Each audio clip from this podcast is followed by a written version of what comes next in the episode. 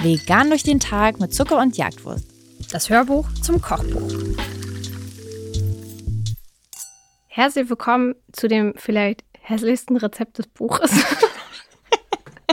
Würde ich vermuten. Och, Mano.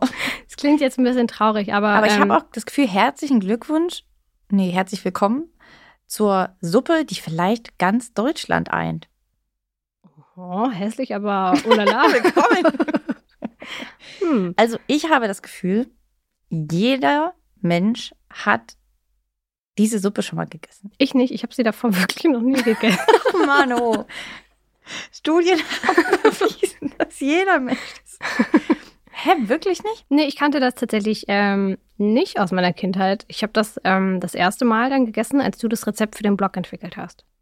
Na klasse, gut. Du hast jetzt meine ganze Ansprache hier durcheinander gebracht. Zieh sie einfach durch und ich bin einfach die Ausnahme. Jeder Mensch hat diese Suppe schon gegessen.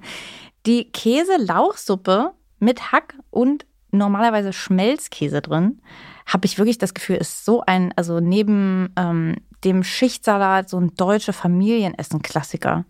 Also bei uns gab es das auf jeden Fall, fast auf jeder Familienfeier. Und ich habe es ein bisschen verstanden, weil dieser Schmelzkäse, der mir ganz dubios auch jetzt im Nachhinein vorkommt, was ist das eigentlich? Ähm, der ist ja so unfassbar krank fettig, dass diese Soße aber auch so sau lecker war. Ich glaube, es liegt an dem. Und das heißt, wir haben keinen Schmelzkäse. What to do?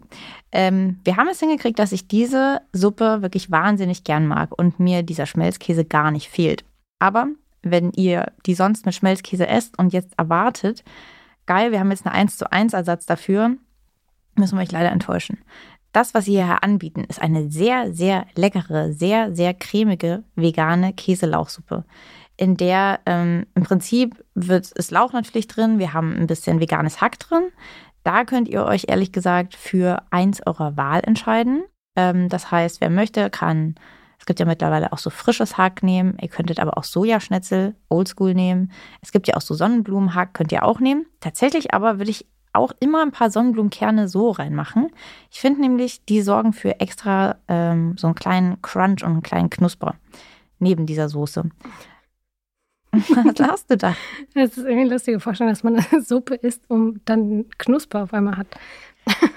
Probiert es mal aus. Ihr werdet wissen, was ich meine. Deswegen würde ich aber übrigens auch nicht unbedingt ähm, diese ganze Hackmischung direkt mit einkochen lassen. Ich glaube, wahrscheinlich macht man das so, wenn man das mit Real Hackfleisch macht. Ich finde aber, dass das dann irgendwie, das ist, funktioniert in vegan nicht so richtig. Da wird das Hack dann irgendwie manchmal so ein bisschen komisch. Deswegen würde ich das wirklich erst kurz vor Schluss dazugeben und auch die Suppe erst ganz, ganz am Schluss mit Muskat würzen. Muskat aber ist ja mein Lieblingsgewürz. Da muss man nur aufpassen, dass man das wirklich nicht schon sehr früh reingibt, denn Muskat ist hitzeempfindlich. Also bei allen Rezepten, die ihr findet, wo Muskat drin ist, sollte man das eigentlich tendenziell erst in den allerletzten Minuten beim Kochen überhaupt reinmachen. Ansonsten verflüchtigt sich das einfach und ihr werdet gar nichts vom Muskat wahrscheinlich schmecken. Wir haben auch auf dem Blog ein Rezept übrigens dafür, wo wir das Ganze als Auflauf umformuliert haben. Da sind dann noch dicke Kartoffelstücken drin. Ich glaube, wir haben dann auch Steckrüben drin. Also, wenn ihr noch mal eine andere Variante haben wollt, dann guckt mal auf dem Blog. Dann haben wir da noch mal was anderes. Ansonsten ähm, macht ihr einfach diese Suppe mal bei der nächsten Familienfeier und vielleicht schreibt ihr mal nicht vegan dazu und dann guckt ihr mal, ob die Leute das nicht trotzdem lecker finden.